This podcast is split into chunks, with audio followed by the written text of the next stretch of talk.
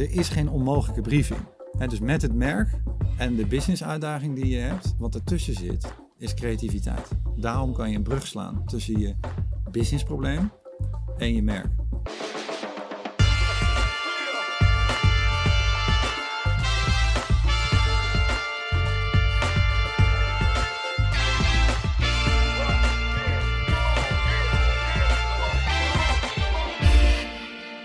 Goedemorgen, goedemiddag, goedenavond of wanneer je dit ook luistert. Mijn naam is Gerben van der Rijt Ik ben Charlotte van Dijk. en dit is The Brief, de podcast over content marketing en creatie van full service contentbureau Wayne Parker Kent.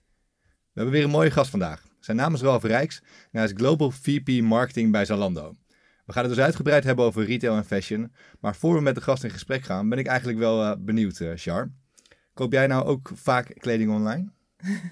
Ja, eigenlijk wel.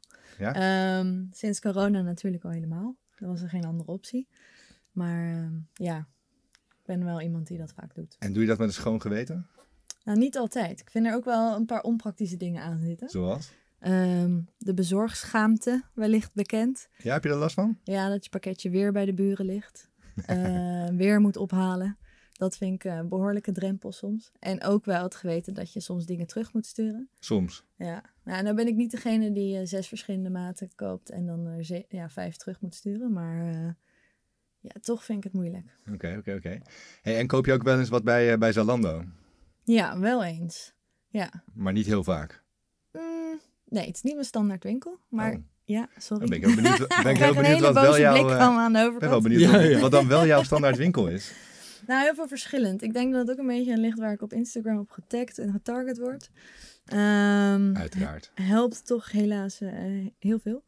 En, ehm, maar ik moet zeggen, ik, ik ben wel, ik heb wel een account. Ik koop wel eens dingen bij Zalando, maar niet, eh, niet mijn standaard go-to winkel. Oké, oké, oké.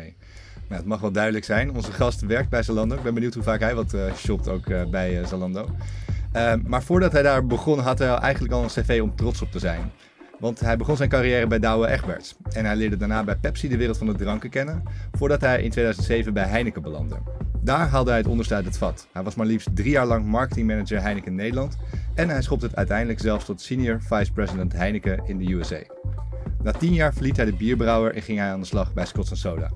Ondertussen begon hij met zijn vrouw een eigen bedrijf in mega hippe en praktische aankleedkussens. En ruim anderhalf jaar geleden begon hij uiteindelijk bij retail gigant Zalando. Daar is hij sinds die tijd dus Global VP Marketing. Welkom, Ralf. Dankjewel. Leuk om hier te zijn. Ja, goed dat je er bent. Hoe gaat het met je? Goed? Ja? Ja. Ik ben heel benieuwd wat jullie allemaal eh, gaan vragen. Ja. Nou, ik ben benieuwd wat, eh, wat jij gaat antwoorden. We vooral. hebben een lange lijst. En of ik een beetje kan overtuigen om wat vaker bij Zalando te shoppen. Ja, ja, ja. Als Dan dat- gaan we als aan het lukt, einde dan van is de jouw, show. eh. Dan is jouw optreden geslaagd natuurlijk, Ja. dat begrijp ik. Of misschien wat marktonderzoek om te kijken wat we nog eh, beter kunnen doen. Ja, nou ja, gebruik vooral ook eh, deze show ook daarvoor, zou ik zeggen. Ehm, we beginnen de show traditioneel gezien altijd met dezelfde vraag aan elke gast. Eh, die vraag willen we ook aan jou stellen. Is een vraag over, eh, ja, het zal je niet eh, verrassen, wij zijn een full, eh, full service contentbureau bij Wayne Parker Kent. Dus wij zijn altijd benieuwd wat nou de beste content is die jij de afgelopen tijd hebt gezien of gelezen of, of geluisterd. Ja, mij is één ding bij Earth Day, dus dat is niet zo lang geleden, Nee. opgevallen. Dat was een artikel, maar ook een soort game van de Financial Times. En dat ging over natuurlijk sustainability, Ja. wat mij erg aan het hart gaat überhaupt. En daar werd je eigenlijk benoemd eh, tot soort minister van eh, eh, het klimaat en energie. Ja, En heb je tot 2050 de tijd en de keuzes die je moet maken om het akkoord van Parijs te halen, maar ook of je de anderhalve graad haalt of niet. Ja. En ja, dat was gewoon een fantastisch, denk ik, content.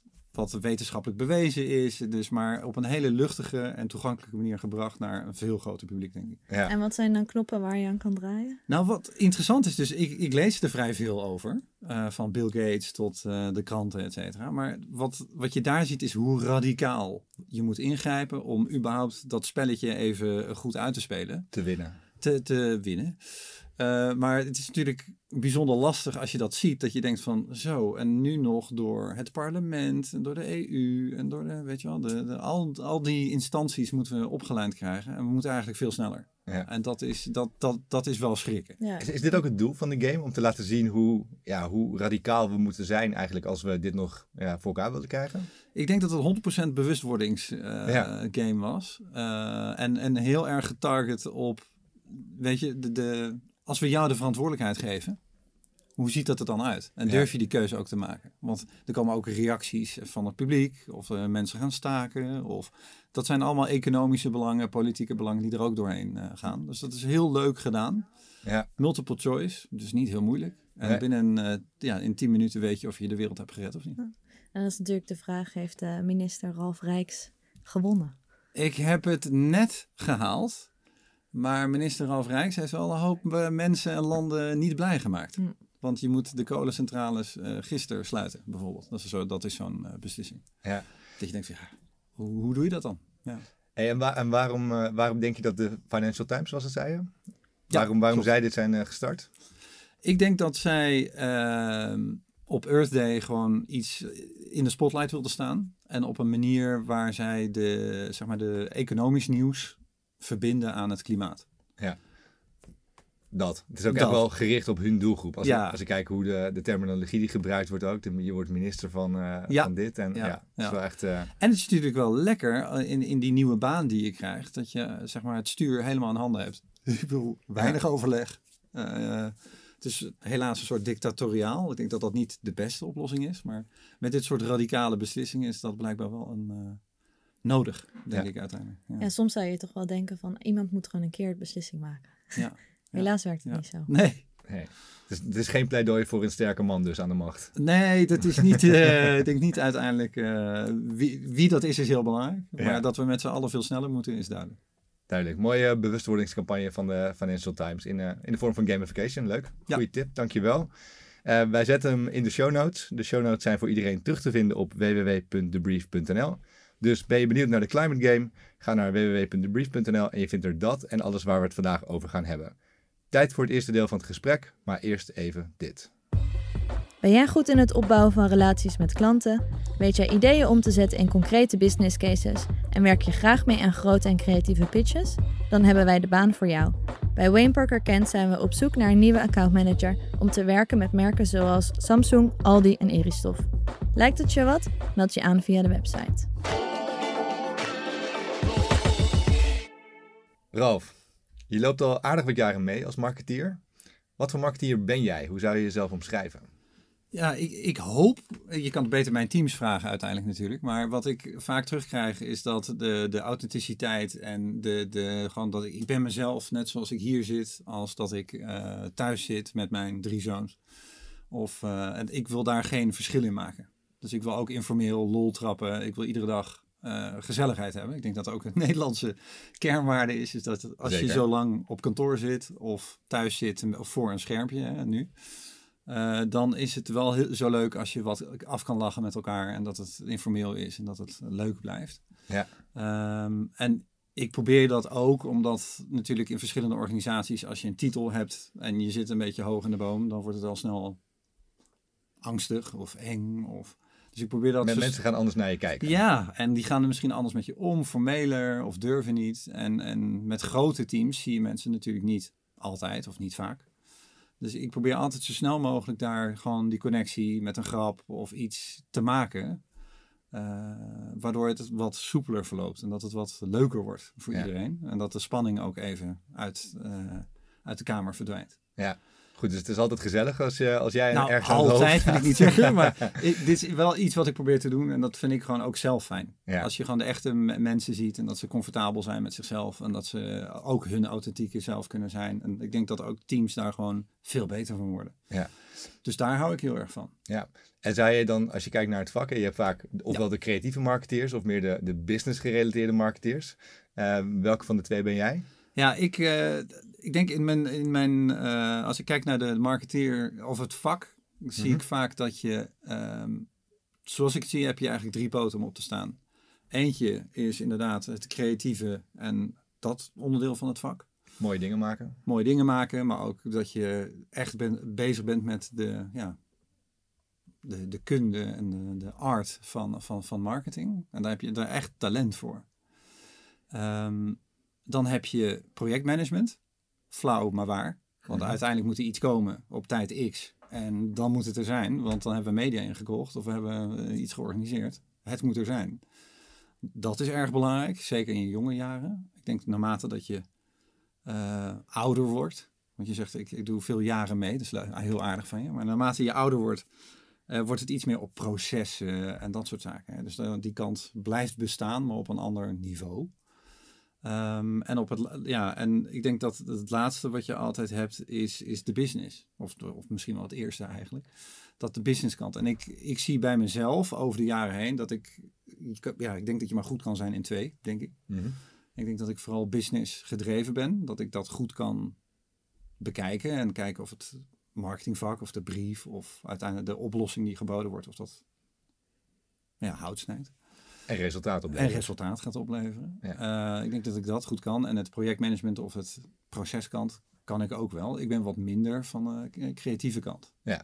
En, maar dat wetende weet ik dus heel goed dat ik altijd een soort rechter of linkerhand nodig heb. Ja, een sidekick. Een sidekick, eh, om dat mij daarin te helpen. En ik denk dat als je zo je teams ook maakt, van hé, hey, wat mis je? Niet meer van hetzelfde, maar wat mis je? Dat dat goed werkt. Of dat heeft mij altijd heel goed geholpen. Ja, kan me goed voorstellen. Hey, En met, met deze visie heb je onder andere eh, aardig wat jaar ook voor, voor Heineken gewerkt. Ruim tien jaar, waarvan meer dan drie jaar als marketingmanager Heineken Nederland. Eh, hoe was dat? Ja, eh, fantastisch. Een fantastische werkgever, fantastisch merk. Ik had eigenlijk nooit verwacht dat ik eh, aan, aan het roer mocht staan van het Heineken-merk in Nederland. Want dat is, een, ja, dat is toch een hele leuke baan. dingetje. Dit is wel een dingetje. Ja, En er zijn genoeg marketeers binnen Heineken eh, die dat amberen. En ik was eigenlijk niet van de Heineken-kweek. Ik ben niet, zeg maar, op mijn, na- de studie meteen Nee. begonnen bij Heineken. Dus ik had eigenlijk nooit verwacht dat mij dat zou aangeboden zou worden. Maar het is wel gelukt. maar waarom kozen ze voor jou dan? Tja, dat is een goede vraag. Eh, ik denk dat ik iets anders bracht dan wellicht de Heineken kweek. Ja, dus dat je toch een andere, je hebt wat andere ervaringen opgedaan bij Douwe Egberts, bij eh, PepsiCo. Wat ik bij PepsiCo enorm heb geleerd is cijfers. Cijfermatig dingen bekijken, iedere maand eh, doorvragen op waarom is dit getalletje groen, waarom is dit getalletje rood. Dat analytische, dat heb ik er echt van PepsiCo meegekregen. En ik denk dat binnen de Heineken sferen dat dat veel toegevoegde waarde bracht op dat moment. Dat is Ja. anders. Ja was, was daar al dan eh, veel creativiteit bijvoorbeeld? Was dat al wel in, in het pand? Of eh, met bureaus bijvoorbeeld? Of gewoon door de, die, wel die Heineken-stal, zeg maar? Zeker. Ik denk dat eh, bij Heineken is er veel creativiteit, er veel marketing, eh, vakmanschap. Hè? En echt, eh, je hebt denk ik ook de tijd en de middelen en de teams om echt op een idee door te bouwen. Ehm, je doet ook een aantal campagnes per jaar. En niet zoveel als bijvoorbeeld bij Zalando, waar je gewoon vier seizoenen hebt, innovaties, eh, mid-season sale, end-of-season sale. Ja, het gaat maar door. ongoing, ja. Ja, het gaat maar door. Dus het tempo ligt daar wat la- eh, lager, zou ik zeggen. Maar daardoor kan je veel betere ideeën kweken en eh, op en neer gaan met, eh, met bureaus of met, met, met het team. Om daar echt helemaal puntfijn aan, aan te werken. Of het nou een WK-campagne is of een EK-campagne. Maar dat, dat is prachtig werk. Ja, Ja. ja. ik kan me voorstellen. En als je dan terugkijkt op al die jaren, waar, waar ben je dan het meeste trots op? Ja, ja, ik denk op een aantal grote projecten. Het is toch het grote wat je, wat je bijblijft en wat moeilijk was. Wat, wat is het eerste? Wat is het grootste wat je, wat je hebt gedaan? Ik denk de, de, het, dat weten, dus ik denk een aantal luisteraars niet en een aantal mensen in de studio ook niet. Maar dat eh, het Heineken flesje in krat, die was ooit, ooit bruin. Lang, En lang geleden. Al, alle flesjes in krat waren bruin. En dat was eh, makkelijk voor de recycling. Hè? Dus, alle, dus krat, als je het eh, bekijkt nog steeds, is een fantastische duurzame verpakking voor, voor, voor bier. En wat er toen gebeurde was dat eh, de, alle kratten waren, eh, konden gewoon geleegd worden, waar dan ook, in welke brouwerij dan ook. Die werden omgespoeld. Het papieren labeltje viel er vanaf. Mhm. Je zet een Heineken bier erin en een Heineken papieren label er weer op. En dan kon het weer zo naar de supermarkt. En ehm, daar zijn we eigenlijk met z'n allen uiteindelijk van afgestapt voor merk. Omdat je meer gedifferentieerd je merk wil neerzetten. En ik mocht dat project doen voor het Heineken-merk in Nederland. Dus Ja. een nieuw groen flesje in een nieuw groen krat. Eh, en dat was een uh, helft job. Uh, ik kan, de... kan, me voorstellen, maar dat is ook, als ik het zo hoor, het is ook zeg maar aan de achterkant, de hele operatie kwam eigenlijk gewoon, moest, moest opgefrist worden. Ja. En je merkbeleving voor de consument was anders. Ja, ja ik, heb een, ik denk dat we met het team uh, heel veel mensen in de brouwerij heel ongelukkig hebben gemaakt. Want ja. er staan prachtige afvullijnen, die staan er al nou, 20, 30 jaar. En die draaien op een bepaalde efficiëntie van, noem maar wat, 97 procent. En uh, die hebben wij gewoon uh, eruit gehaald. En nieuwe lijnen neergezet. Ja. ja, dan moet je alles weer opnieuw leren, instellen, et cetera. En dat duurt ja, echt wel maanden tot jaren om dat weer onder controle te krijgen. Dus dat was uh, ja, een gigantisch investeringsbedrag natuurlijk om dat rond te krijgen. Dus daar hebben heel veel mensen heel hard aan gewerkt. Ja. Maar ja, dat was een van de grootste operaties die ik heb gedaan. En ja, daar ben ik zeker trots op. En ook leuk dat je nu in Nederland woont en dat je het weer ziet. Ja, en je zegt zelf van je bent al, jij bent eigenlijk de business marketeer. Ja. Um, als je zoiets doet als groene flesjes erin zetten, ik kan me voorstellen dat het moeilijk is om dat uiteindelijk soort van een ROI eruit te krijgen. Je zegt grote investering. Waar meet je dan op? Waar, waar kijk jij dan naar als het gaat om het invoeren van dit project? Ja, dus we hebben gekeken naar natuurlijk, je kijkt niet alleen naar je eigen merkontwikkelingen, maar ook dat van uh, concurrenten. Onder andere natuurlijk, wat beweegt in de markt, hoe gaat het? Private label wordt ook steeds slimmer en beter in de inkoop, et cetera. Dus je kijkt naar het hele omveld. En Heineken als marktleider heeft natuurlijk heel veel uh, te verliezen, als je het uh, zo bekijkt. En dat is met uh, ook de wetgeving, zelfs in de horeca, is dat beperkt. Hè? De, de, de, kracht van Heineken binnen de horeca. En ehm, daar, ja, dus dan zie je dat je op een gegeven moment moet ingrijpen en, en, de thuismarkt. En het was eigenlijk een van de laatste dingen die je niet groen kon maken. We hadden groene tapzuilen en het glas was prachtig en de blikjes waren prachtig, alles was prachtig. Maar het enige wat niet klopte en wat echt nou, 60% van het volume was, mm -hmm. was bruin. Tja, dat moet dan toch een keer anders. En bij Heineken is het uh, na 150 jaar, voel je ook een beetje dat je op de schouders van je voorganger staat, om het even heel gek te zeggen. Die van Freddy Heineken zelfs. Die van Freddy Heineken zelfs, ergens. En dat voelt toch dat je ook daar, weet je, over 50 jaar zal het niemand meer hebben over de ROI van deze investering, want over 50 jaar uh, heb je iets goeds gedaan voor het merk. En dat, dat staat niet echt uh, ter discussie. Nee, ja, dus dat is niet dat iets moment. waar je dat moment op af Nee, dat hoef je niet. Uh, maar de introductie is wel heel belangrijk, Ja, dat die goed ja. gaat. En altijd als je dan nu een eh, eigen groene biertje drinkt, denk je dan, ha, wel maar gedaan. Ja, nou, zo, dat, dat effect verdwijnt wel. Eh, dat is nu, nu wel normaal. Per biertje. ja. Eh, en eh, ja, en de echte bierdrinker drinkt uit blik. Dat is misschien een geheim. Want Mhm. dat, dat- Oh. ja, Statement. ja, statement. Ja. Dus ik drink veel uit blik. eigenlijk. Nice. Ja. Ja, en, en Heineken staat natuurlijk bekend om de vele sponsorships en partnerships, activaties. En zo was jij bijvoorbeeld ook verantwoordelijk voor het eh, Holland Heinekenhuis in 2012 in Londen en in 2014 in Sochi. Ja. Hoe pakt Heineken zoiets aan? Waar begin je?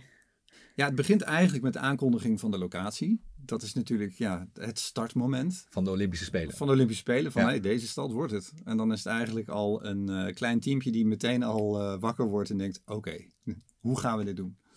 En wat bijzonder is aan, is aan het Holland Heinekenhuis, is dat het een soort stukje Nederland is ter plekke. Het soort Nederlands grondgebied. De ambassade zit erin, de NS zit erin, eh, iedereen zit erin, KLM zit erin. En eh, Holland, eh, of Heineken maakt dat mogelijk om daar A, de atleten te ontvangen. als de koning er is ook. Maar iedereen wordt daar gehuldigd, feestje bouwen. Dus het is een, een enorm huis met allerlei functies daar eigenlijk in. En dus het begint met dat, oké, het woord eh, Londen, noem maar. En dat was een van de grootste die we hebben gedaan.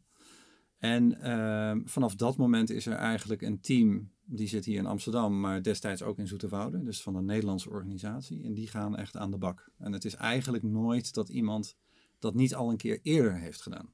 Dus er is altijd iemand die het doorgeeft, het stokje. Hm. Gelukkig. En dan gaat het al heel snel naar het zoeken van een gepaste locatie, het uitrekenen van hoeveel Nederlanders gaan er komen.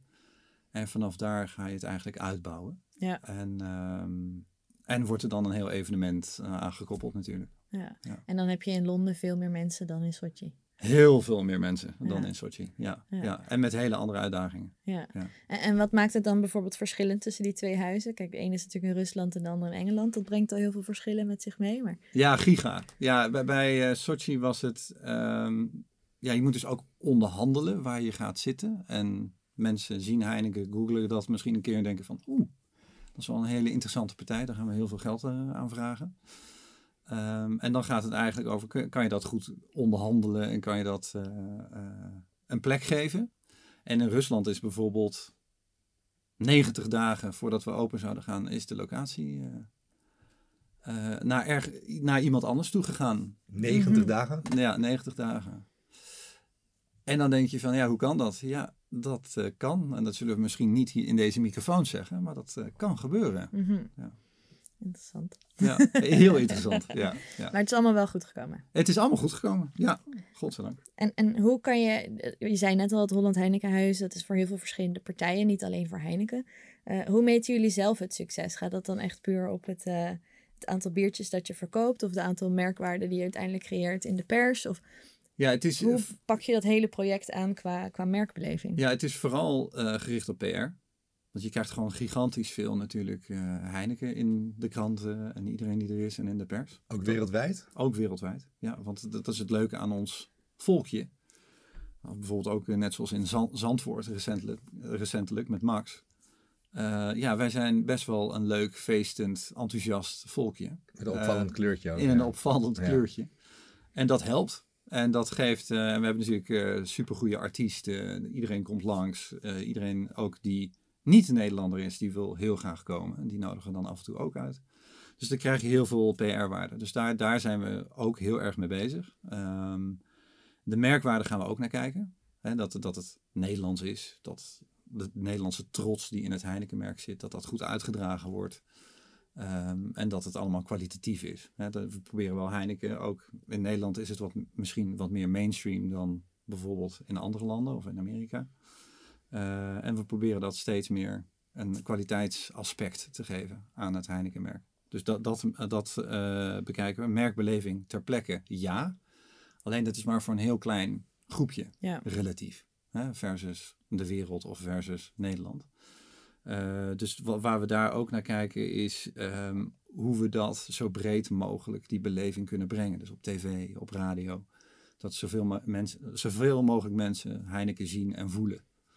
Eh, dus dat zijn allemaal metingen die we doen. Ja, zeker. Leuk. En eh, nou ja, dit, dan heb je die Holland Heinekenhuis. Je hebt een, eh, vervolgens een groen flesje in de, de krant gestopt. En toen werd je gevraagd als senior vice president Heineken in de US. Hoe kwam je daar terecht? Ja, ik, ik ben gek genoeg door de to- toenmalige CMO van Heineken gevraagd om die uitdaging aan te gaan. En dat was eigenlijk niet voorstelbaar, want ik had net een nieuwe, nieuwe baan. Maar hij riep mij opeens in zijn kantoortje, had een paar vragen.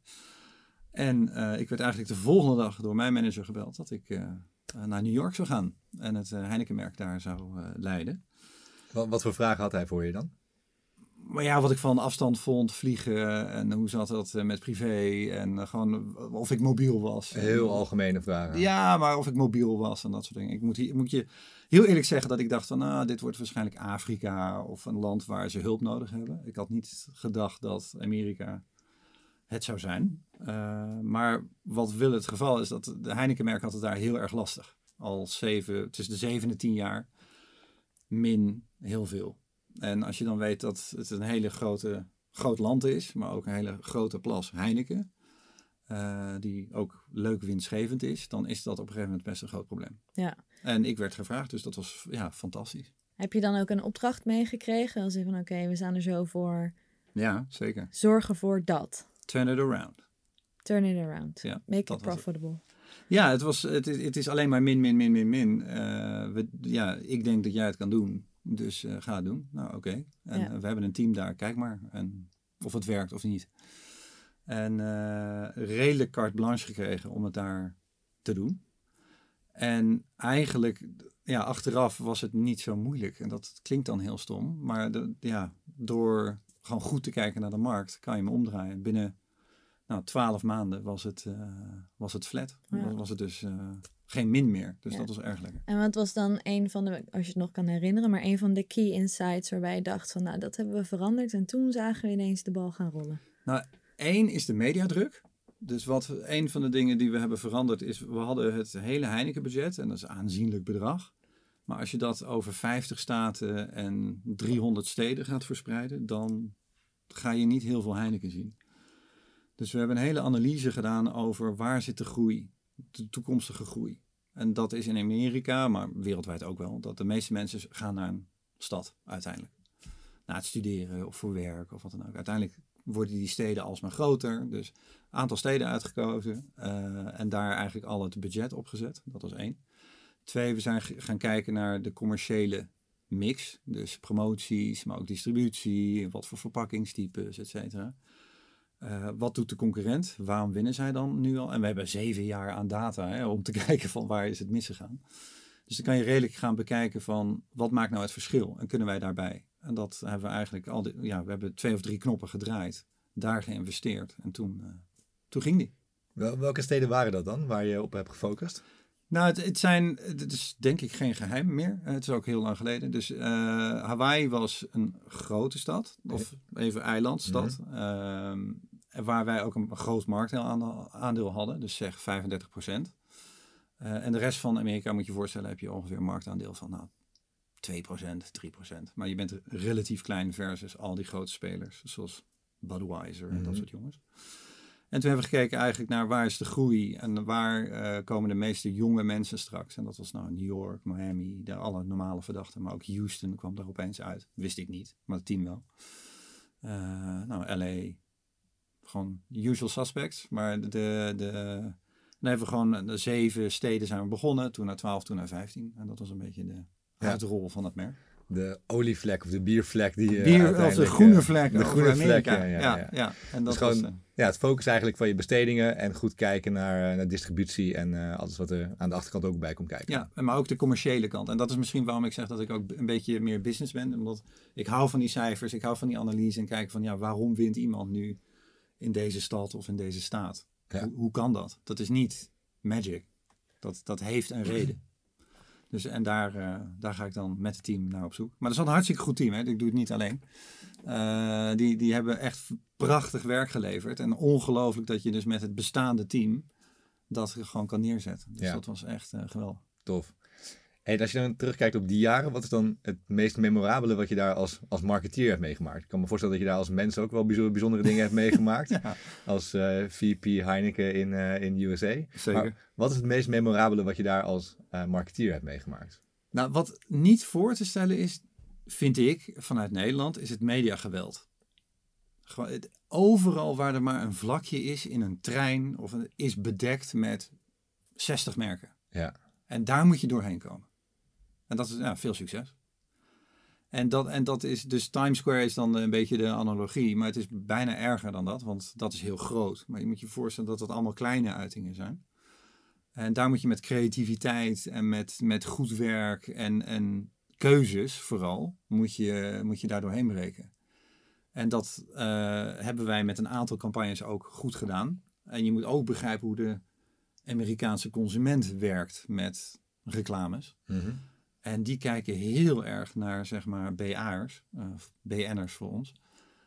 Je moet gewoon celebrities hebben. Ja. Die moet je gewoon hebben. Dus eh, je moet het niet te moeilijk maken voor jezelf ook soms. Van oké, we hebben blijkbaar celebrities nodig.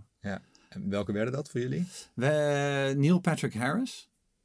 Dus dat, eh, die, die hielp ons op Heineken Light. Mhm. En die deden dat een hele tijd met heel veel humor. En ook om te zien hoe... De, zeg maar, en werken echt met een acteur is ongelooflijk. Dus ik, ik, ik zal ook nooit vergeten op de set. Eerste keer dat ik er was.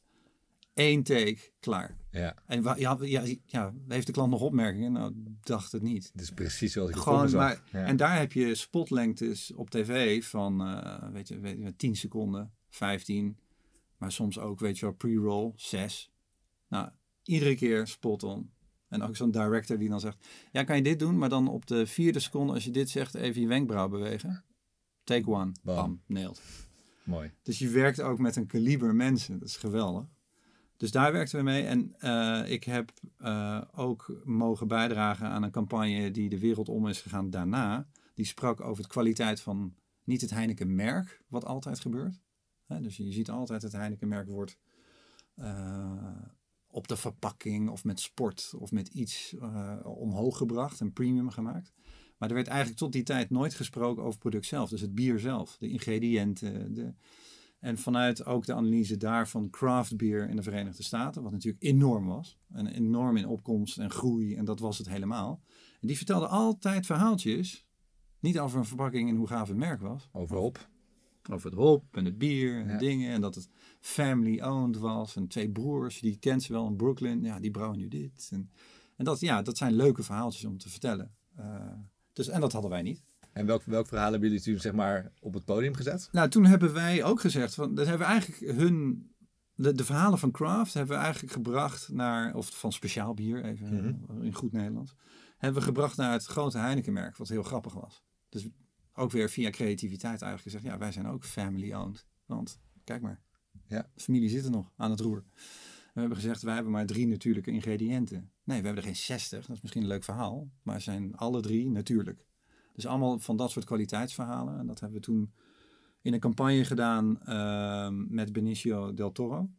En die was dan onze spokesperson voor deze campagne. En, en die, wat heel leuk was, het is ontwikkeld in Amerika, maar dat is uiteindelijk in 170 landen eh, gegaan. En dat sprak dus over het bier. Dus dat was ook een hele leuke, leuk werk. Ja.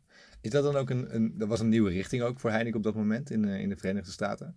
Zie je nog steeds, is dat de richting die nog steeds gevolgd wordt of wa- is dat, eh, was dat tijdelijk? Nou, die campagne bestaat nog steeds, die, die tak. Hè. Dus eh, die, je, je- hebt het sport met Champions League en Formule 1 natuurlijk. En dus daar gaat het dan meer over het merk, een merkbeleving.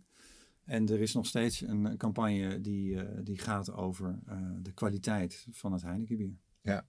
En die twee, die twee endorsers die je net eh, noemde, die twee celebrities, wa- waarom pasten die zo goed bij Heineken?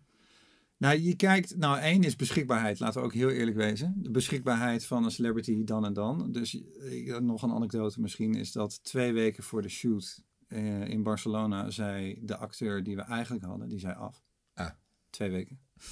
Heel fijn. En dan was het lijstje talent die er nog was, A, veel duurder. En B, ehm, ja, Beperkt. Anders, ja, Ja. beperkt. Ja.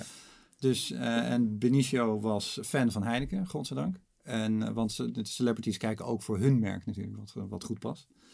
En ja, die heeft een helft job gedaan, gelukkig. om, om het allemaal te brengen in... Ja, we hebben twee weken in Barcelona opgesloten gezeten om dit allemaal op te nemen. En ehm, ja, zo, en Neil Patrick Harris was dan wel een vrije keuze. En daar, daar was de humor en lichtvoetigheid en ook de nuchterheid, wat Heineken ook in zich heeft, Ja. was daar eh, de, de fit. De, de match, ja. Ja. En brand safety toen was nog een iets kleiner issue wellicht dan dat dat nu is met dit soort partnerships. Of was dat toen ook in Amerika wel echt een thema? Ja, Amerika is wel heel gevoelig. Natuurlijk al, dat vond ik altijd heel moeilijk wel, is dat het alles ligt gevoelig. Dus ik ben daar wel geschoold in al dat, dat soort thema's wat je wel en niet kan zeggen en wat gevoelig ligt, et cetera. Dus dat, dat zit er al in. En daar heb je natuurlijk corporate affairs en communicatie en allerlei deskundigen die daar ook over gaan om te kijken dat het niet te gek wordt. Ja. Klinkt als een, een hoop mooie avonturen eh, wat, je, wat je bij Heineken hebt meegemaakt. Eh, tijd voor het tweede deel van het gesprek. En daarin gaan we alleen maar praten over Zalando. Yes.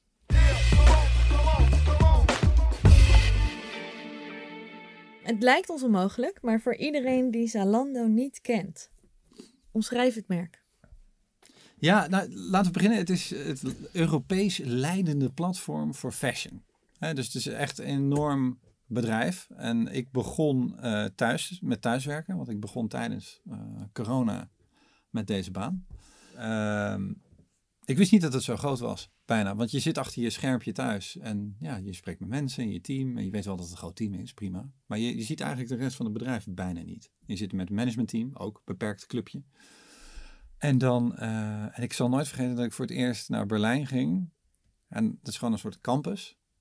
En er staan, weet ik niet, ik denk 10, 11 gebouwen. Nou, ik schrok me helemaal rot van, wat is dit groot? Je was daar ook in je sollicitaties nooit geweest. Nee, dat was allemaal via het schermpje. Dus dat was echt een moment van ook imposter syndroom van kan ik dit wel? Ik zat er al een hele tijd, ging prima, maar wel dat je denkt van wow, dit is groot. En, eh, maar dus ja, meer, we zitten tegen de 50 miljoen eh, actieve klanten aan. Dus we zitten heel dicht op een mijlpaal, dus dat is eh, ook heel leuk. En we zitten in 23 markten, door, alleen door Europa heen. Ehm, en het merk is eigenlijk heel erg bezig met natuurlijk fashion, dus eh, de, de eh, je, eigen stijl, wat jij wil kopen. Het is vrij functioneel altijd geweest, hè, want het is een app en het is een website en dat moet in de basis gewoon heel goed werken. Het moet op tijd geleverd worden. Je wil de producten vinden die je wil vinden. Eh, dus het is altijd ook wel functioneel geweest als, als merk.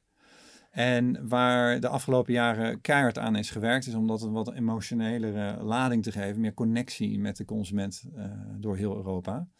Eh, en per markt is eigenlijk een andere ontwikkelingsstadium of maturity zit je. Dus het is ook voor iedere consument zal het anders zijn hoe goed ze bekend zijn met Zalando, één. Twee, met hoe goed ze het, eh, hoe, hoe ze het merk kennen. Want ik denk dat de, een van de beste campagnes van Zalando, als ik die vertel, de schreeuw van de man die het pakketje komt eh, afleveren en eh, de man wordt helemaal gek omdat er weer schoenen zijn besteld. eh, die is vrij bekend. Ja. Die kwam ook niet al te lang na de walk-in fridge. Ook een mooie schreeuw. Ehm, maar die heeft ook de Lode Leeuw gewonnen. Maar dat is in een beginfase van een campagne, is mijn mening, waarschijnlijk niet heel slecht. Want je krijgt wel heel veel bekendheid en dat mensen de reclame kennen en Zalando kennen en ook schoenen. Dus het wordt al snel, het kan wel irritant zijn en Lode Leeuw krijgen, maar volgens mij heeft het heel goed gewerkt aan het begin. Als je dat nu zou doen, is dat een ander verhaal, want inmiddels ben je natuurlijk een stuk verder met je merk. Dus eh, nee, het, merk, het merk staat voor eh, de positiviteit en inclusiviteit van iedereen. En dat we veel respect hebben voor het individu. En dat eh, daar is een, eh, eigenlijk heel veel om te doen. En eh, daar werken we al een jaartje vier, vijf aan om dat de emotionele band te maken. En dat het de inclusiviteit door Europa heen is van iedereen en zijn eigen stijl. Ja. Ja, want dit is precies natuurlijk wat ons ook opviel in de positionering. Ja, Ehm, Gelukkig wij is hebben duidelijk. Ook, wij hebben het ook gezien en opge het is opgevallen. ehm, dat je inderdaad in het begin voor heel erg zit op de dienstverlening en de voordelen daarvan. Dat je je pakketjes kan retourneren, nou ja, bla bla bla. En dat je dan nu veel meer zit op nou ja, verschillende lichamen, verschillende inclusiviteit van iedereen. Ja. Maar daarin begeef je je uiteindelijk ook wel in een veel breder veld van bijvoorbeeld ook een H&M of een, een modemerk, wat eigenlijk nu ook heel veel op die boodschappen zitten. Ehm, hoe maak je het dan uiteindelijk nog uniek? Waarom moet je dan naar Zalando toe? dat is een hele goede vraag. Want daar zijn we eigenlijk nu zelf ook mee bezig. Om daar het onderscheidende in te maken. Want het gevaar binnen de mode is dat als je het merkje of logotje weghaalt, dat het heel moeilijk wordt om te, ik bedoel, doe je ogen dicht, bedenk je een modefoto, mooie dame die zo staat in de wind, in een, hè, die kijkt ergens naar, vaag of boos. En dat is dan de foto. Uh, maar dat is niet heel onderscheidend. Want we halen het logo weg en het wordt heel moeilijk om te bepalen. Ja, precies. Misschien enkele merk wordt dan uh, eruit gehaald, maar verder niet. En uh, eigenlijk is dat nou net het werk. En daar kan ik hier nu niks over vertellen, want je gaat het zien, zeer binnenkort. Dat we dan met een veel duidelijker boodschap en positionering komen voor het Zalando-merk. En waar wij voor staan. Ja. Dus dat, uh, ja, inderdaad. De, het is nog niet uniek genoeg, naar mijn mening. Ja. En daar zijn we nu, uh, hebben we daar de oplossing voor gevonden. En dat ga je binnenkort uh, ook in Nederland zien verschijnen. Ja. En als je dan zegt, ik, ik snap dat je het niet mag vertellen. Ja. Maar waar kijk je dan naar qua insights? Dus waar ga je dan als marketeer, als CMO, ga je dan op zoek naar...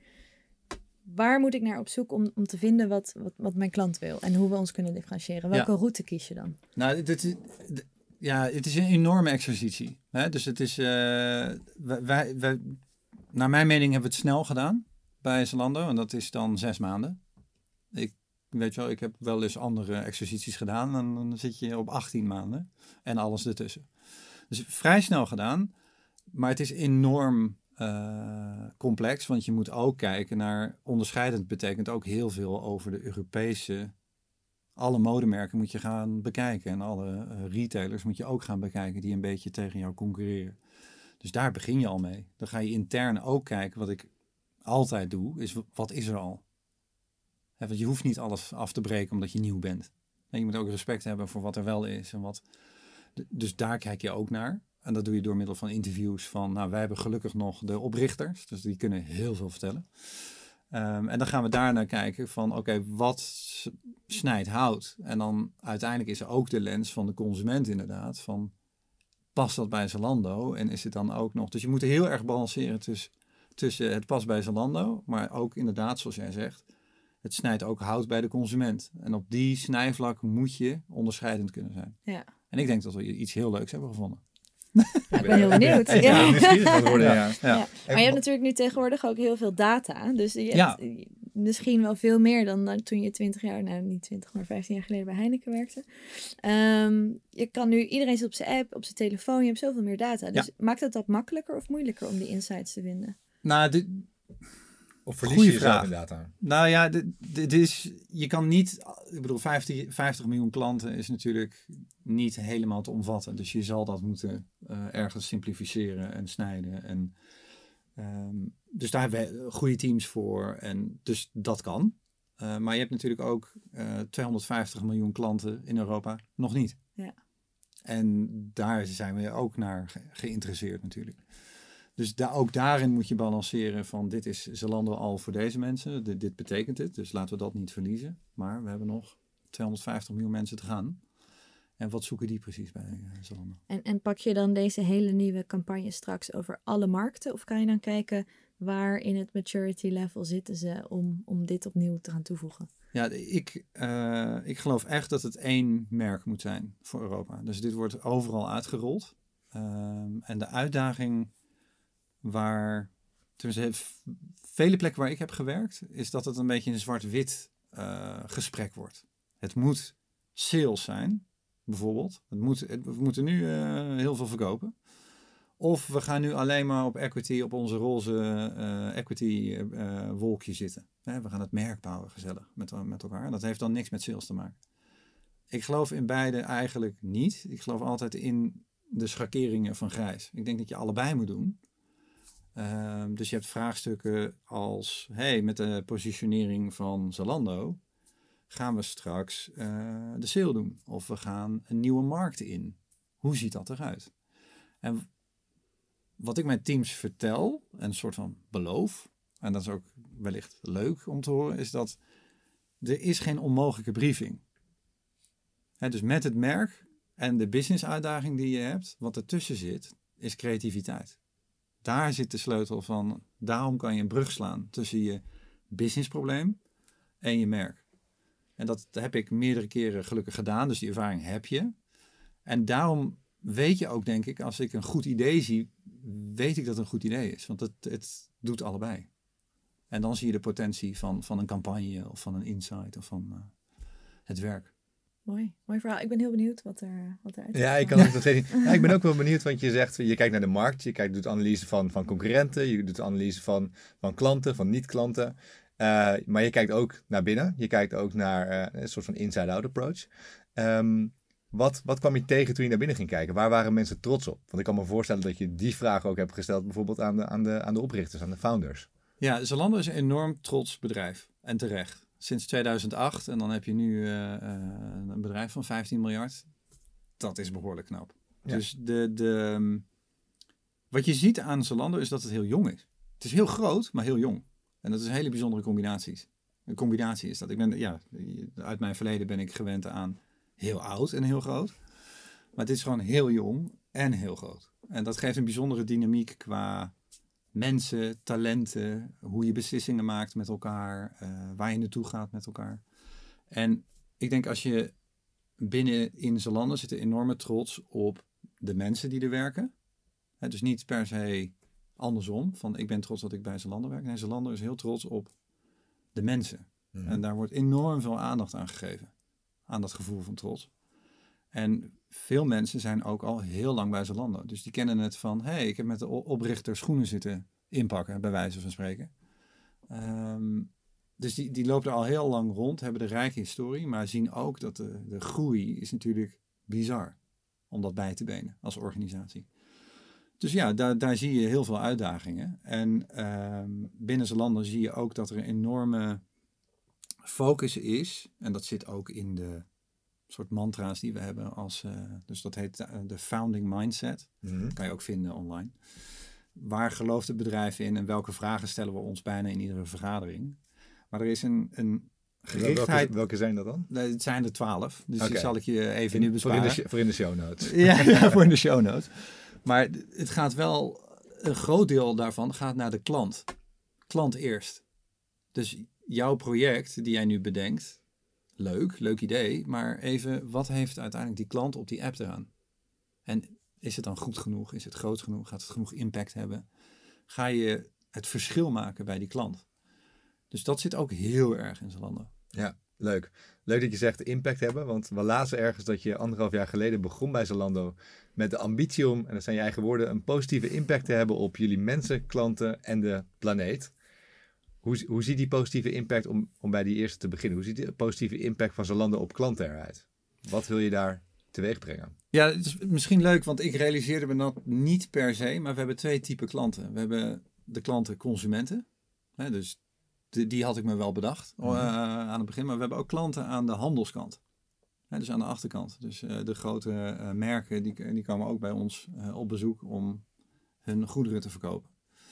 Ehm, en eigenlijk voor, die, voor beide klantengroepen zijn we heel erg gefocust op functionaliteit, digitalisering, gemak. Dat het heel makkelijk wordt. Dus even als een voorbeeld voor de, eh, onze partners, dus de, aan de businesskant, ehm, is bijvoorbeeld, hey, corona overkomt ons allemaal. En hebben wij eh, heel makkelijk een retailproduct waarbij iedere winkel zich kan aansluiten op Zalando en zijn voorraad op kan zetten. Dus dat, we proberen ook wel echt dingen te doen voor de economie en voor mensen en ook voor de winkels, dat het goed gaat en iedereen goed gaat. En de, de purpose, en nu moet ik wel naar het Engels, want anders klinkt het niet zo leuk, is reimagining fashion for the good of all. En goed en all zijn de belangrijkste woorden. Dus aan de klantenkant, zeg maar aan de B2B-kant, is het enorm belangrijk dat het daar ook goed gaat. Dat zij ook goed verkopen, goed hun voorraden kunnen beheren, dat het allemaal heel makkelijk gaat, et cetera. En aan de consumentenkant, en dat is misschien wat makkelijker naar, naar te relateren, zijn we ook heel erg bezig met, hey, je noemde net in je introductie retourstromen. Blij met jouw reactie van, nou, ik stuur bijna nooit wat terug. Dat is perfect, want dat willen wij ook. Hè? Dat is beter voor iedereen, voor the good of all. En dat is ook voor de planeet, ook voor eh, jou en ook voor iedereen eromheen veel beter. Dus daar zijn we ook met allerlei technologie bezig om jou te adviseren van hey, dit is volgens ons niet jouw maat. Hè, Ja. Dus ik heb bijvoorbeeld, eh, ik ben gek op Jordans. Eh, maar iedere keer vergeet ik weer, was het nou, ik zal misschien, ja, Hmm. schoenmaat is prima, 46, 47, geen idee. En dan zal de, als ik het in mijn mandje toevoeg, wordt mij geadviseerd, nee, hey, vorige keer was het 47, are you sure?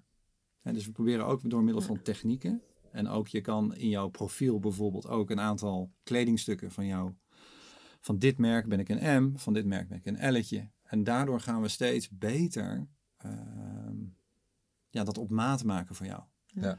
En dat En zal dat steeds dan- beter worden. Ja, is dat dan het, het- ligt dat bij jou als, als marketingteam of is dat het operations stuk? Nou ja, dit, dit ligt bij de digital experience stuk. En eh, da- daar zitten wij heel dichtbij. Want eigenlijk wil je dat de campagnes en de marketing en eh, de commerciële mix alles aansluit op uiteindelijk de ervaring als je eh, in de app komt. Ja. Hè, dus dat moet allemaal wel in één flow en één eh, consumer journey moet dat kloppen. Ja. Dus daar zitten wij dicht op, ja. Maar positieve impact op klanten is dus vooral meer gemak aan alle kanten. Meer gemak. ehm, en ik denk ook minder kosten. Eh, allemaal dat soort voordelen willen wij erin brengen. Dat is gewoon- ja, efficiëntie. Ja. En dat, dat is gewoon beter aan alle kanten voor iedereen. En dat, dat is iets wat, denk ik, Zalando siert. Want zo haal je een hoop noodloze kosten, moeite en ook eh, eh, uitstoot uit de hele keten. Ja. En wa- wat is dan de grootste uitdaging die je tegenkomt om dit voor elkaar te krijgen? Nou, het is natuurlijk technisch heel uitdagend. Hè? Dus om, je moet je voorstellen, het aantal artikelen die online staan bij Zalando, dat is Ik heb geen idee. giga, Ja, echt giga. En daar eh, moet je dus alle informatie wel van hebben. Hè, dus het gaat ook op een gegeven moment over AI en dat die, die merken het ook al die informatie goed aanleveren. En zo zorgen dat die hele keten zo gemakkelijk en ja, het gemakkelijkste is voor iedereen. Waardoor, er ook geen verspilling of oude voorraden blijven liggen, et cetera, et cetera. Dus al die inefficiënties, die moeten er gewoon uit. En dat was dan de, de positieve impact vooral op, op klanten. Ja. Eh, je noemde ook positieve impact eh, te willen hebben op, eh, op de mensen bij, bij Zalando. Ja. Hoe, eh, hoe ziet dat eruit? Nou, de... Ik denk wat ik, wat, wat ik al een beetje in de introductie zei, is de, de informele, beetje emp- empathisch leiderschap, eh, ook transparant in wie ik ben, is, probeer ik altijd te brengen waar ik werk. Is dat nieuw in een Duits bedrijf? Nou, het is, ik denk misschien een, dat weet ik eigenlijk niet, heel eerlijk gezegd. Maar binnen Zalando is dat niet per se nieuw. Maar ik denk dat het wel heel fijn is. Dus ik denk dat ook in de, ik kan me zo voorstellen toen eh, ik geïnterviewd werd voor deze baan, dat dat echt wel een factor was. Van, kan je, met, kan je gemakkelijk met mensen omgaan? Eh, een van de principes die we hebben is eh, purpose first, ego second. Wat ik een hele mooie vind. Eh, omdat je dan A, authentiek kan zijn, maar B, dat jouw project of wat jouw idee staat niet boven ieder ander. Nee. Hè, dus dat is ook een heel mooi basisprincipe. Dus ik denk dat ik dat alleen maar heb kunnen verstevigen en versnellen eh, binnen het team. Ehm, en ik denk niet dat het per se nieuw was als zodanig. Ik vind het gewoon interessant om in, in zo'n organisatie te komen waar groei zo hard gaat. Dus ik begon en toen hadden we 37 miljoen klanten. Nou, en anderhalf jaar verder zijn het er bijna 50, Bijna miljoen. ja. Het is gewoon heel interessant, vind ik, als professional. En dat is dan misschien als je marketing en management hebt, wat in je, in je baan zit als CMO, is dat je, kijk, de marketing, prima, weet je wel, dat, daar werken we aan, daar zijn, daar zijn we goed mee bezig. Maar de managementkant is heel interessant om te zien van wat dat, dat soort hypergroei doet met een organisatie, met mensen, Ja. structuren, processen en waar loop je dan tegenaan. Het is echt, vind ik heel erg eh, leerzaam, maar ook eh, eh, ja, lekker chaotisch en je moet gewoon mee. En het is Best allemaal heel snel. ook. Ja, Ja. zeker. Maar wat, wat zijn dan die, die, die groeispurt die je beschrijft? Wat, waar, lopen, waar lopen de mensen in jouw team dan tegenaan? Is het dat zij de cultuur zien veranderen en zich niet meer op hun plek ja, vinden passen? Of is dat, zijn, zijn er andere dingen? Ja, zo, ja, ik denk dat voor de- aan de mensenkant is denk ik dat omdat het groter wordt en ik denk dat corona eh, natuurlijk niet heeft geholpen qua verbinding, dat is moeilijk. Ik denk ook je informatie krijgen over waarom dit besluit is genomen, moet je heel bewust nu iedere keer uitleggen, omdat je elkaar niet even op de gang tegenkomt of even een kopje koffie drinkt, weet ik veel wat. Dus je moet, als je een beslissing neemt, moet je heel goed uitleggen en voor jezelf altijd eh, wakker zijn of jezelf wakker houden om de context te beschrijven dat mensen snappen waarom. En dat is essentieel, want dat is ook voor de motivatie en dat ze snappen waarom we dit doen. Ik denk Ja. dat dat het gevaar is als het heel groot wordt, dat dat wat sneller verdwijnt. Ja. Ehm, ik denk ook dat de, door, die, door die groei veranderen de banen ook gewoon snel. Dus jouw baan vijf jaar geleden was misschien, even als ik het eh, stom zeg, relatief schattig en prima. Hè? en, eh, kan wel. Maar opeens is jouw baan misschien vijf, zes keer zo groot geworden qua verantwoordelijkheden en wat er allemaal om je heen, ja, wat allemaal om je heen gebeurt. Ja. Ja, zij, is jouw skillset en wie jij bent en kan je dat allemaal aan? Dat is een behoorlijke uitdaging. Hè? Dus dat is ook wel waar mensen tegenaan lopen. Van oeh, ik heb wel hulp nodig. Dus coaching en ook coaching voor mij natuurlijk om mijn team beter te maken. Dus dat zijn allemaal dingen wa- wat je ziet gebeuren in zo'n omgeving. En dat is, ja, het is geweldig om te zien, maar ook geweldig om, om aan bij te dragen. En te, dan dit soort problemen te spotten en dan te gaan oplossen. Als laatste noemde je ook een eh, positieve impact op de planeet. Eh, jullie hebben ook flink ingezet op inclusiviteit en diversiteit de afgelopen jaren. In ieder geval in de, in de marketing en in de campagnes. Was, dat- was dat nodig?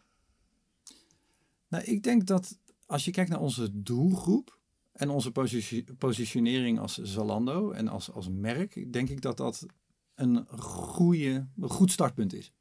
Dus dat je eh, meedoet of misschien wel een beetje de, de pusht als een van de eerste merken, denk ik, door heel Europa. Dat je op, op diversiteit, in- inclusiviteit en alles wat daaronder hangt, dat je daarop gaat pushen.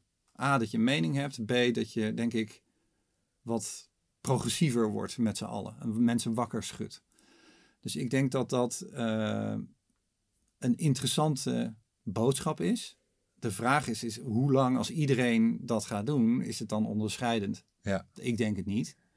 Ehm, maar het is wel iets wat wij heel dicht bij ons houden. Wat heel erg in de kernwaarde zit van het bedrijf überhaupt. En wat ook iets wat, iets wat wij, omdat het er al in zit, zou ik dat niet weg willen halen zomaar. En ik denk dat het een heel goed geluid is. Ehm, afhankelijk van de markt. Ik bedoel, in, in Nederland en in Duitsland en in andere landen zijn we redelijk progressief, maar in andere landen wat minder. Ik denk dat het ook goed is en leuk is om daarmee bezig te zijn, om dat te pushen.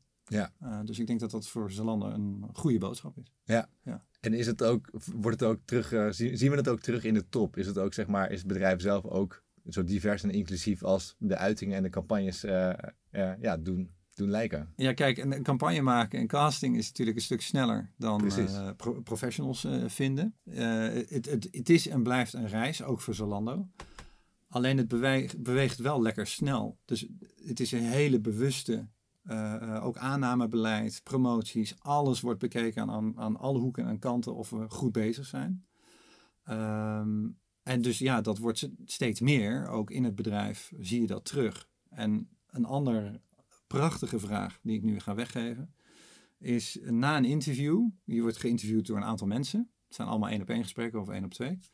En dan wordt de vraag gesteld, uiteindelijk bij de evaluatie van al die gesprekken, wordt de vraag gesteld: maakt deze persoon ons beter of alleen maar groter? En dat vind ik eigenlijk een schitterende vraag om even de lat wat hoger te leggen en ook van wat brengt die persoon dan en is het anders? Ja. En is het, gaat het ons beter maken als geheel? En dat draagt er wel zeker uh, aan toe dat het verschuift en dat we sneller gaan en versnellen op dit, uh, op dit soort onderwerpen. Ja, zie je dat al terug ook in de samenstelling van, van bijvoorbeeld je eigen team? Nou ja, ik kijk op één metric uh, doet marketing het over het algemeen vrij goed. En dat is uh, de, de, aanwezigheid van vrouwen. En wij zitten op 83% van mijn team is vrouw. Ja. Je zou bijna kunnen zeggen dat is dat nog divers? Dat is dan de vraag. Ehm, maar ook uit andere aspecten van diversiteit en inclusiviteit zijn we, want dat is er maar één. Hè? Dus nu is de volgende stap van ja, zijn we dan op andere uh, kenmerken of andere achtergronden, zijn we dan ook zo goed? Nou, ik denk dat het antwoord nee is. Dus dan is dat de volgende stap. Wat ik mooi vond wat je zag en wat het bedrijf ook is als je op de website kijkt en je wilt solliciteren, dan wordt eigenlijk ook gezegd: uh, solliciteer niet met foto's, solliciteer um, niet met leeftijd, geloof ik, of uh, huwelijkse status, solliciteer niet. Um, nou, met allemaal dat soort achtergrond. Ja, klopt. Ik vond het mooi. Ik vind het uh, ja, een, een, goed teken zetten in ieder geval vooraf. Maar je zegt dan eigenlijk nog steeds, we hebben nog heel veel werk aan de winkel. Nou ja, ja we, we zijn denk ik lekker onderweg. Alleen ja, het kan altijd beter. En dat is natuurlijk in marketing zo, maar ook met dit soort onderwerpen. Het kan altijd beter. Er is altijd een nieuwe lens of dat je weer iets leert. Of van, um, dus maar niet alleen qua personeelsbestand, maar we kijken ook natuurlijk naar onze kantoorpanden. We kijken naar uh, de accessibility in de fysieke wereld, maar ook accessibility, dus de toegankelijkheid, even in goed Nederlands, van de app, van de website, van dozen, van uh, kleding, type kleding die we hebben, collecties die we hebben. Um, en sluit dat goed aan op de waarde en op de waarde van mensen, maar ook individuen. En dat is eigenlijk het, wat we zo goed mogelijk proberen te doen. Ja. ja. En ondertussen staat niet alleen Zalando, maar eigenlijk de hele fashionwereld uh, best wel onder druk. In ieder geval fast fashion. En dat zou de planeet schaden, schaden. Dat schaadt de planeet ook. En als retailer komt daar ook nog eens de impact van, van bezorgen en van retouren bij. Uh, hoe neemt Zalando daarin haar verantwoordelijkheid om die impact op de planeet aan die kant zeg maar te verminderen? Ja, daar zijn we heel actief mee bezig. Een, Vertel. Uh, ja, dus een, een van onze founders die heeft al uitgesproken dat we afscheid gaan nemen van fast fashion. Hè, op Zalando. Dus dat Zalando niet meer gelijk staat aan fast fashion. Staat het überhaupt niet, hè, want we hebben veel meer. Mm -hmm. um, en we gaan veel meer naartoe werken dat wat je koopt gewoon jou past. Dat het langer meegaat. Uh, we, we zijn ook bezig met reparatieservice. We hebben dus... Um, in oktober hebben we door heel Europa ook pre-owned, dus tweedehands kleding, hebben we en verzameld, maar ook een hele campagne op, omheen gebouwd. Ja. Dus om te zorgen dat kleding gewoon langer meegaat, van handen verruild en dan nog een keer wordt gebruikt. Dus daar zijn we heel actief mee bezig.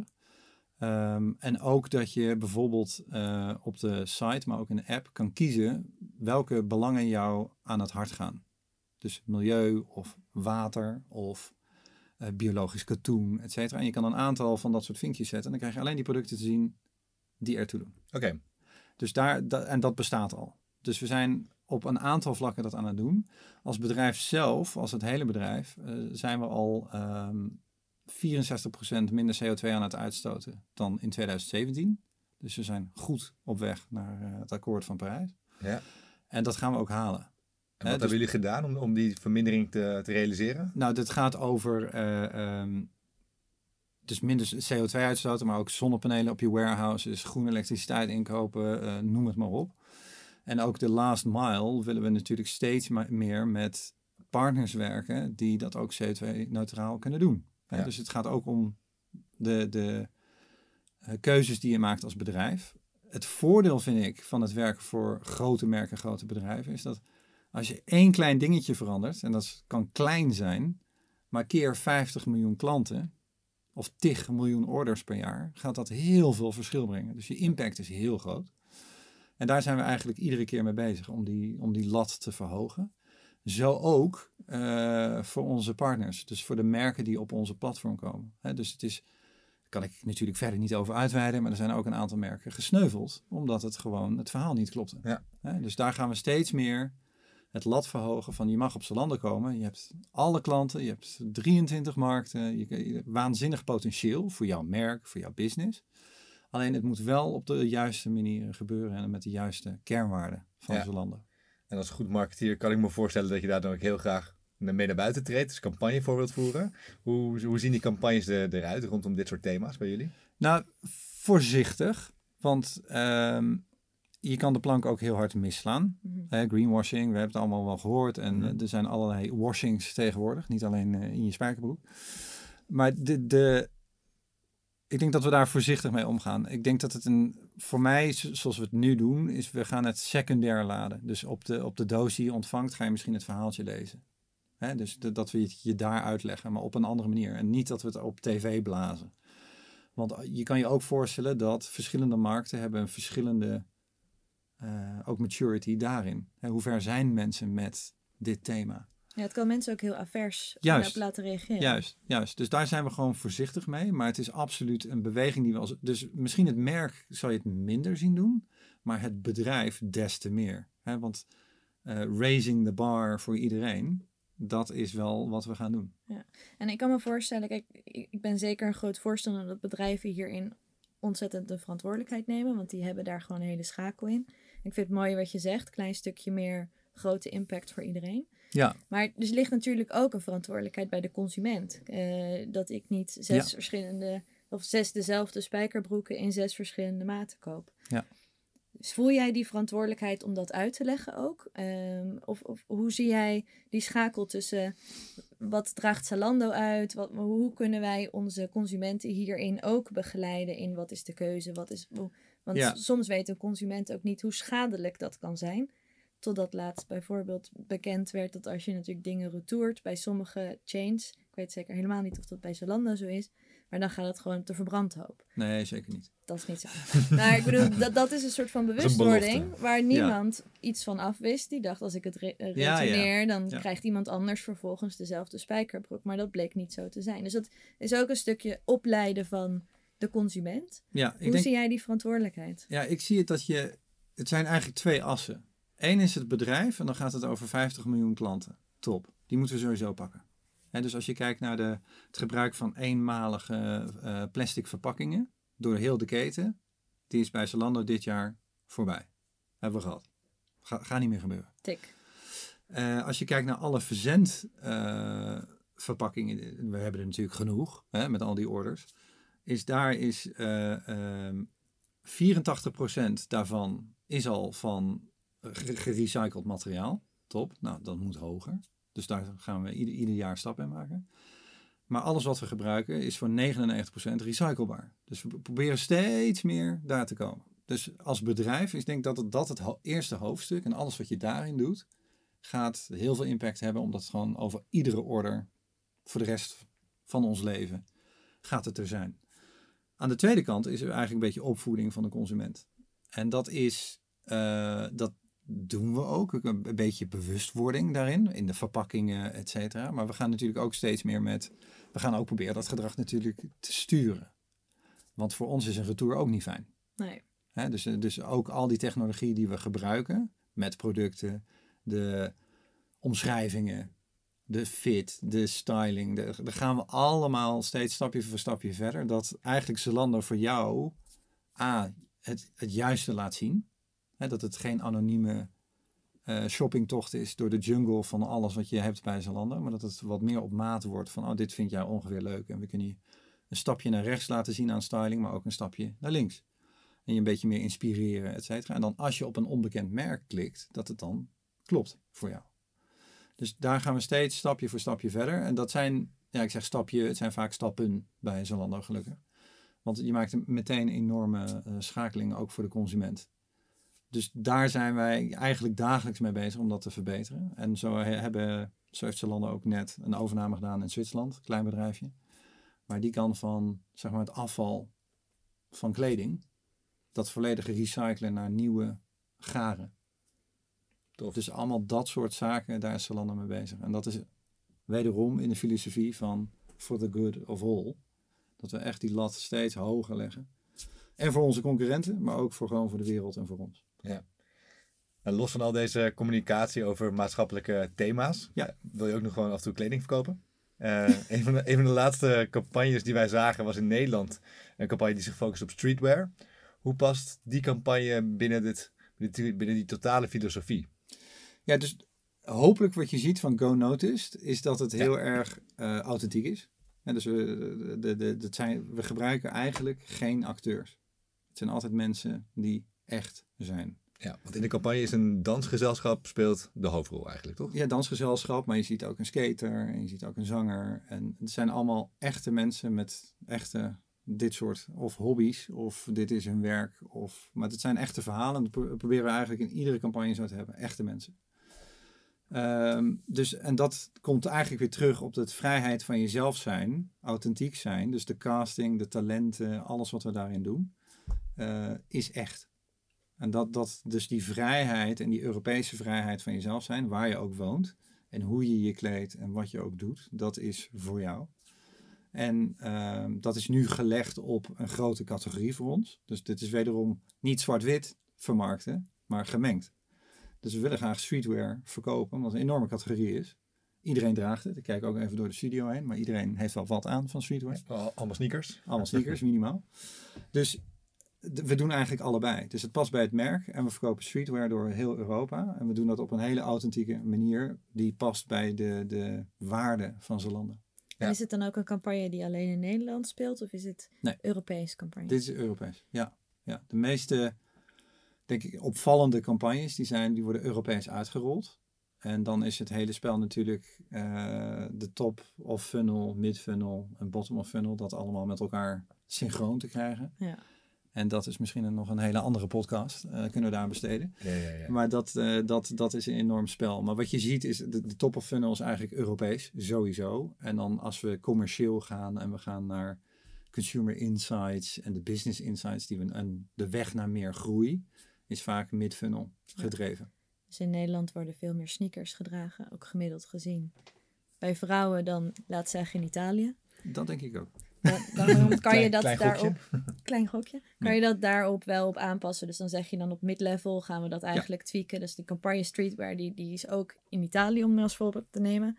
Maar dan dat mid-level, dat, daar gaan we eigenlijk tweaken. En Ja. het misschien meer op mannen richten dan ook op vrouwen. Dan ga je anders targeten en misschien ook met andere producten. Ja, ja klopt. We zijn al bijna aan het einde.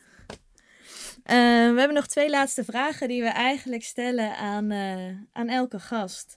Eh, om even te reflecteren en vooruit te kijken. Ehm, als je terugkijkt op je carrière, wat zou je anders hebben gedaan? Ik denk als ik mezelf mo- moest adviseren, hè, eh, helemaal aan het begin, dat ik veel sneller mijn authentieke zelf had moeten zijn in de, eh, op de werkvloer.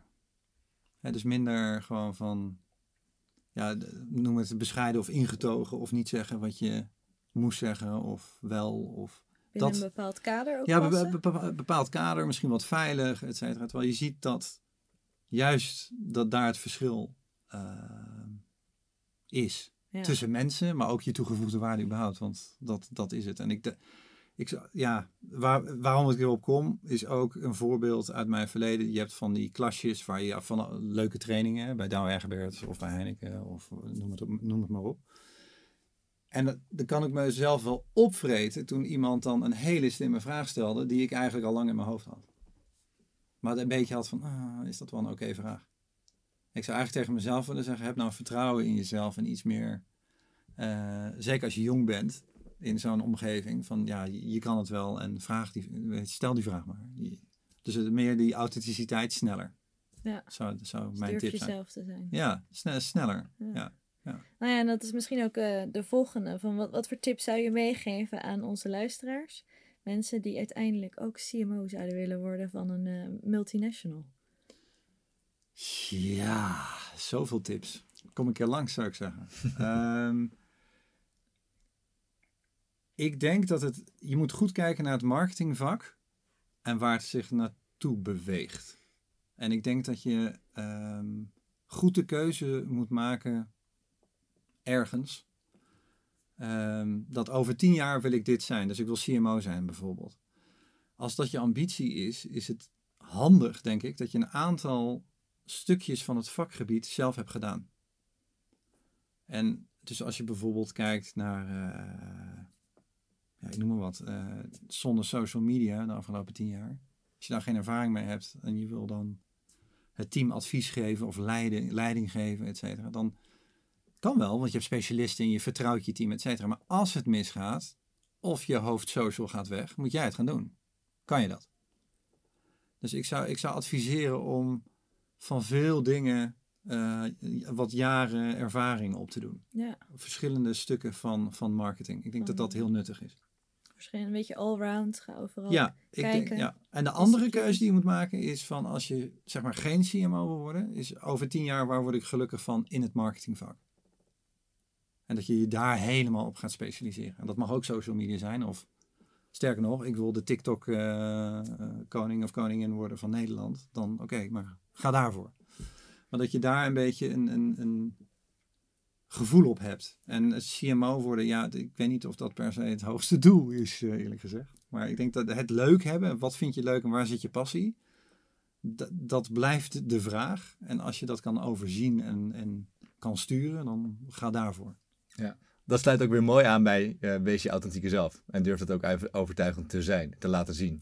Toch? Want daar komt ook die passie natuurlijk ook weer vandaan. Ik denk dat je je kracht, als je je in je kracht voelt of je bent eh, enthousiast over iets, dat dat veel beter werkt. Nog even, misschien e- even, nog even als voorbeeld. De opkomst van Facebook in 2007, 2008.